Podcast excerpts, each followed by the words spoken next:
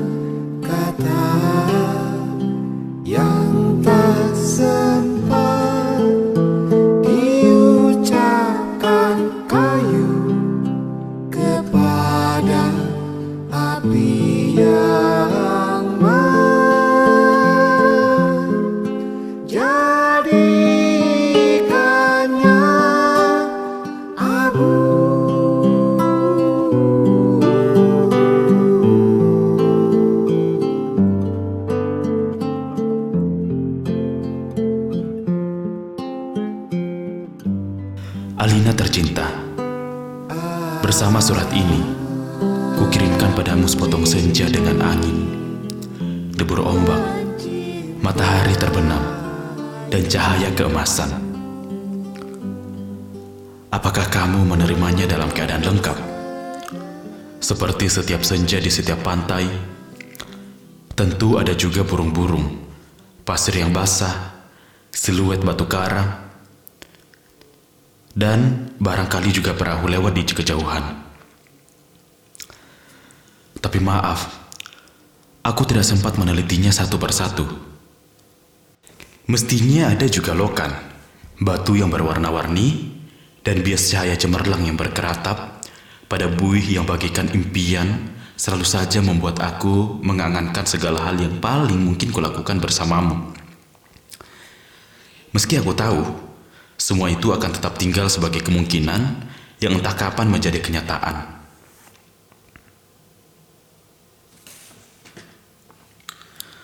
Kukirimkan sepotong senja ini untukmu Alina. Dalam amplop yang tertutup rapat.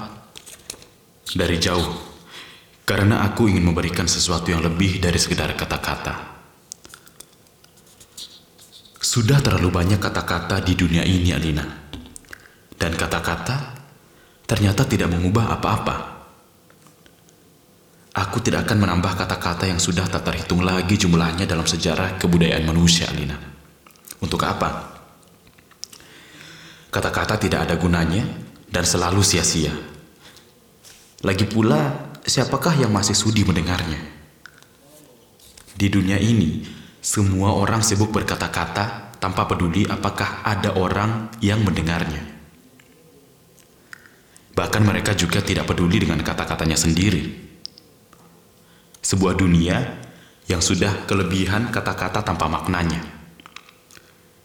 Kata-kata sudah lubar dan tidak dibutuhkan lagi. Setiap kata bisa diganti artinya. Setiap arti bisa diubah maknanya. Itulah dunia kita, Lina. Kukirimkan sepotong senja untukmu, Alina bukan kata-kata cinta. Kukirimkan padamu sepotong senja yang lembut dengan langit kemerah-merahan, yang nyata dan betul-betul ada dalam keadaan yang sama seperti ketika aku mengambilnya saat matahari hampir tenggelam ke balik cakrawala. Alina yang manis, Alina yang sendu, Alina yang cantik. Sekarang, akan kuceritakan padamu bagaimana aku mendapatkan senja itu untukmu. Sore itu, aku duduk seorang diri di tepi pantai, memandang dunia yang terdiri dari waktu, memandang bagaimana ruang dan waktu bersekutu, menjelmakan alam itu untuk mataku. Di tepi pantai, di tepi bumi, semesta adalah semua warna keemasan, dan lautan adalah cairan logam Meski buih pada debur ombak yang mengampas, itu tetap saja putih seperti kapas. Dan langit tetap saja ungu, dan angin tetap saja lembab dan basah. Dan pasir tetap saja hangat ketika kusapkan kakiku ke dalamnya. Kemudian, tiba-tiba senja dan cahaya gemetar. Keindahan berkutat melawan waktu dan aku tiba-tiba teringat padamu. Barangkali senja ini bagus untukmu. Itu pikirku. Maka kupotong senja itu sebelum terlambat. Kukerat pada empat sisi, lantas kumasukkan ke dalam sakuku. Dengan begitu, keindahan itu bisa abadi dan aku bisa memberinya kepadamu.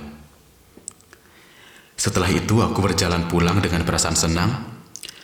Aku tahu kamu akan menyukainya, karena aku tahu itulah senja yang selalu kamu bayangkan untuk kita. Aku tahu kamu selalu membayangkan hari libur yang panjang, perjalanan yang jauh, dan barangkali sepasang kursi malas pada sepotong senja di sebuah pantai, di mana kita akan bercakap-cakap, sembari memandang langit sambil memandang-mandang angan sambil bertanya-tanya, Apakah semua ini memang benar-benar telah terjadi? Kini, senja itu bisa kamu bawa ke mana-mana, Alina. Ketika aku meninggalkan pantai itu, kulihat orang-orang datang berbondong-bondong. Ternyata mereka menjadi gempar karena senja telah hilang. Kulihat cakrawala itu berlubang sebesar kartu pos. Alina sayang, semua itu telah terjadi dan kejadiannya akan tetap seperti itu. Aku telah sampai ke mobilku ketika itu dan di antara kerumunan itu kulihat seorang menunjuk-nunjuk ke arahku. Dia yang mengambil senja itu. Saya lihat dia mengambil senja itu. Kulihat orang-orang itu melangkah ke arahku. Melihat gelagat itu, aku segera masuk mobil dan langsung tancap gas. Catat nomornya, catat nomornya. Aku melejit ke jalan raya. Ku kebut mobilku tanpa perasaan panik. Aku sudah berniat memberikan senja itu untukmu. Dan hanya untukmu saja. Alina. Tak seorang pun boleh mengambilnya dariku. Cahaya senja yang kemasan itu binar-binar di dalam sakuku. Dan aku merasa cemas. Karena meskipun kaca mobilku gelap, tapi cahaya senja itu tentu cukup terang terlihat dari luar. Dan ternyata cahaya senja itu memang menembus segenap cahaya dalam mobilku. Sehingga mobilku itu meluncur dengan nyala cemerlang ke aspal maupun ke angkasa. Dari radioku setel aku tahu berita tentang hilangnya senja telah tersebar ke mana-mana. Dari televisi, dalam mobil bahkan kulihat potretku sudah terpampang. Aduh, Baru hilang satu senja saja sudah paniknya seperti itu. Apa tidak bisa menunggu sampai besok? Bagaimana kalau setiap orang mengambil senja untuk pacarnya masing-masing? Barangkali memang sudah waktunya dibuat senja tiruan yang bisa dijual di toko-toko, dikemas dalam kantong plastik, dan dijual di kaki lima. Sudah waktunya senja diproduksi besar-besaran, supaya bisa dijual anak-anak, pedagang asongan di perempatan jalan. Senja, senja, cuma seribu tiga, senja. Di jalan tol, mobilku melaju masuk kota. Aku harus hati-hati, karena semua orang mencariku. Sirene mobil polisi meraung-raung di mana-mana. Cahaya kota yang tetap gemilang tanpa senja membuat cahaya kemasan dari dalam mobilku tidak terlalu kentara. Lagi pula di kota, tidak semua orang peduli apakah senja hilang atau tidak. Di kota kehidupan berjalan tanpa waktu, tidak peduli pagi, siang, sore atau malam. Jadi tidak pernah, jadi tidak pernah penting senja itu ada atau hilang. Senja cuma penting untuk turis yang suka motret matahari terbenam. Boleh jadi, hanya demi alasan itulah senja yang kubawa ini dicari-cari sama polisi. Sirene polisi mendekat dari belakang. Dengan pengeras suara polisi itu memberi peringatan. Pengemudi mobil perces abu-abu metalik nomor SJ19658A harap berhenti. Ini polisi. Anda ditahan karena dituduh telah membawa senja. Meskipun tidak ada aturan yang melarangnya, tapi berdasarkan hmm, berdasarkan uh, apa itu? Aku tidak sudi lagi mendengarnya lebih lama lagi. Jadi kubilas dia sampai terpental keluar pagar tepi jalan. Ku tancap gas dan menyelip-nyelip dengan lincah di jalanan. Dalam waktu singkat, kota sudah penuh raungan sirine polisi. Terjadi kejar-kejaran yang seru. Tapi aku lebih tahu seluk-beluk kota. Jalanan dengan cahaya yang berwarna-warni, ganggang gelap yang tak pernah ter yang tak pernah tercatat dalam buku-buku alamat, lorong-lorong rahasia yang hanya diperuntukkan bagi orang-orang di bawah tanah. Satu mobil terlempar di jalan layang. Satu mobil lain tersesat di sebuah kampung. Dan satu mobil lagi terguling-guling menabrak truk dan meledak lantas terbakar. Masih ada dua polisi bersepeda motor mengejarku. Ini soal kecil. Mereka tak pernah bisa mendahuluiku. Dan setelah kejar-kejaran beberapa lama, akhirnya mereka kehabisan bensin dan pengendaranya cuma bisa memaki-maki di tempat. Dan kulihat senja dalam saku bajuku masih utuh. Angin masih berdesir. Langit semburat ungu. Debur ombak mengampas ke pantai. Hanya padamu lah senja ini kuserahkan, Alina. Tapi Alina, polisi ternyata tidak sekonyol yang kusangka. Di segenap sudut kota, mereka telah siap siaga. Bahkan aku tak bisa membeli makanan untuk mengisi perutku. Bahkan di langit tanpa senja, helikopter mereka menyorotkan lampu di setiap celah gedung bertingkat. Aku tersudut dan akhirnya nyaris tertangkap. Kalau saja tidak ada gorong-gorong yang terbuka, mobilku sudah kutinggal ketika memasuki daerah kumuh itu. Aku berlari di antara gudang, rumah tua, tiang serta temali, terjatuh di atas sampah, merayapi tangga-tangga reot, sampai seorang gelandangan menuntunku ke suatu tempat yang tak akan pernah kulupakan dalam hidupku. Masuklah, katanya dengan tenang. Di situ kamu akan aman. Ia menunjuk gorong-gorong yang terbuka itu. Ada tikus keluar dari sana. Baunya bacin dan pesing. Ku tengok ke bawah. Kulihat kelelawar bergantungan. Aku ragu-ragu. Namun, deru helikopter dan lampu sorotnya yang mencari-cari itu melenyapkan keraguanku. Masuklah, kamu tidak punya pilihan lain. Dan gelandangan itu mendorongku Akhirnya aku terjerambab jatuh. Bau busuknya, bukan main. Gorong-gorong itu segera tertutup dan ku dengar gelandangan itu merebahkan dirinya di atasnya. Lampu sorot helikopter menembus celah gorong-gorong, tapi tak cukup untuk melihatku. Kurabah senja dalam kantongku. Cahayanya yang merah keemas-emasan membuat aku bisa melihat dalam kegelapan. Aku melangkah dalam gorong-gorong yang rupanya cukup tinggi juga. Kusibakkan kelelawar bergantungan yang entah mati entah hidup itu. Kulihat cahaya putih di ujung gorong-gorong. Air busuk mengalir setinggi lutut. Namun makin ke dalam makin surut. Di tempat yang kering, kulihat anak-anak gelandangan duduk-duduk maupun tidur-tiduran. Mereka berserakan memeluk rebana dengan mata yang tidak memancarkan kebahagiaan. Akhirnya aku berjalan terus melangkahi mereka dan coba bertahan. Betapapun ini lebih baik daripada harus menyerahkan senja Alina. Di ujung gorong-gorong, di tempat cahaya putih itu, ada tangga menurun ke bawah. Kuikuti tangga itu, dan cahayanya semakin terang dan semakin benderang. Astaga, kamu boleh tidak percaya, Lina. Tapi kamu akan terus membacanya. Tangga itu menuju ke mulut sebuah gua. Dan tahukah kamu ketika aku keluar dari gua itu, aku ada di mana? Di tempat persis sama dengan tempat di mana aku mengambil senja itu untukmu, Alina. Sebuah pantai dengan senja yang bagus, ombak, angin, dan kepak burung. Tak lupa cahaya kemasan dan bias ungu pada mega-mega yang be yang berarak bagikan aliran mimpi. Cuma itu saja, tidak ada lubang sebesar kartu pos. Jadi, meskipun persis sama, tapi bukan tempat yang sama. Aku berjalan ke tepi pantai, tenggelam dalam guyuran alam yang perawan. Nyiur tentu saja, matahari dan desut lautan yang bening dengan lidah ombak yang berdesis-desis. Tak ada cottage, tak ada barbecue, tak ada marina. Semua itu memang tidak perlu. Senja yang bergetar melawan takdir membiasakan cahaya keemasan ke tepi semesta. Aku sering malu sendiri melihat semua itu, Alina.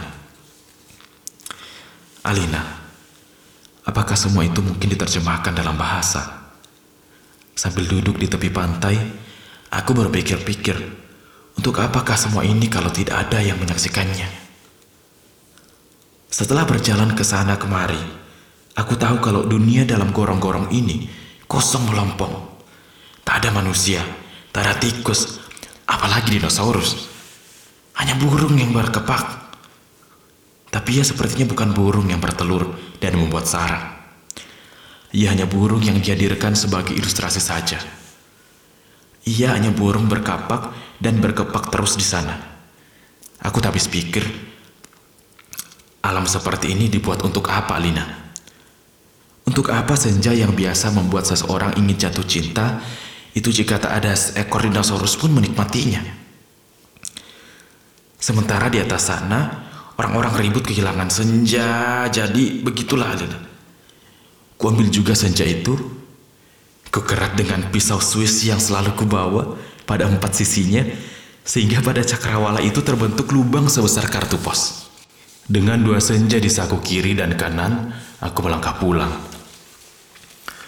Bumi berhenti beredar di belakangku, menjadi kegelapan yang basah dan bacin. Aku mendaki tangga kembali menuju gorong-gorong bumiku yang terkasih. Sampai di atas, setelah melewati kelelawar bergantungan, anak-anak gelandangan berkaparan, dan air setinggi lutut, kulihat polisi-polisi helikopter sudah pergi. Gelandangan yang menolongku sedang tiduran di bawah tiang listrik sambil meniup saksofon.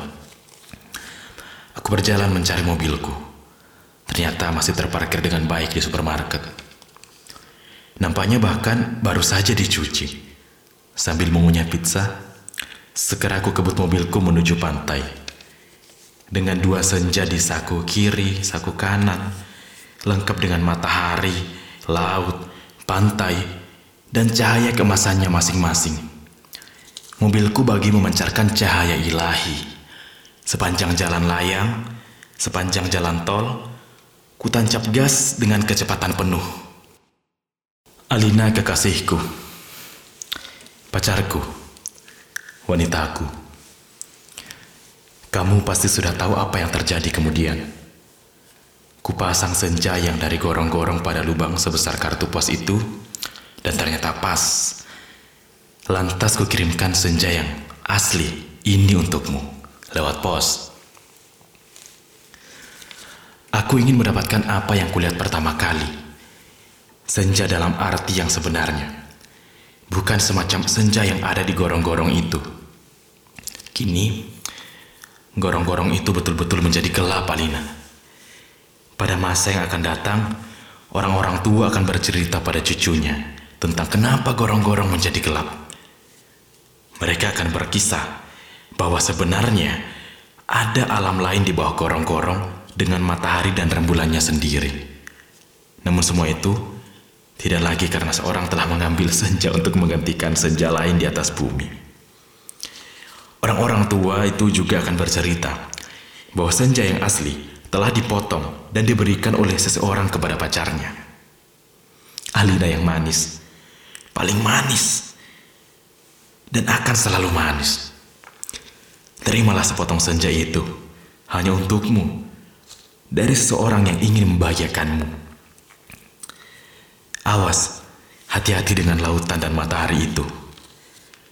Salah-salah cahayanya membakar langit dan kalau tumpah, airnya bisa membanjiri permukaan bumi. Dengan ini, kukirimkan pula kerinduanku kepadamu. Dengan cium, peluk, dan bisikan terhangat dari sebuah tempat yang paling sunyi di dunia. Senogumara Aji Dharma, sepotong senja untuk pacarku.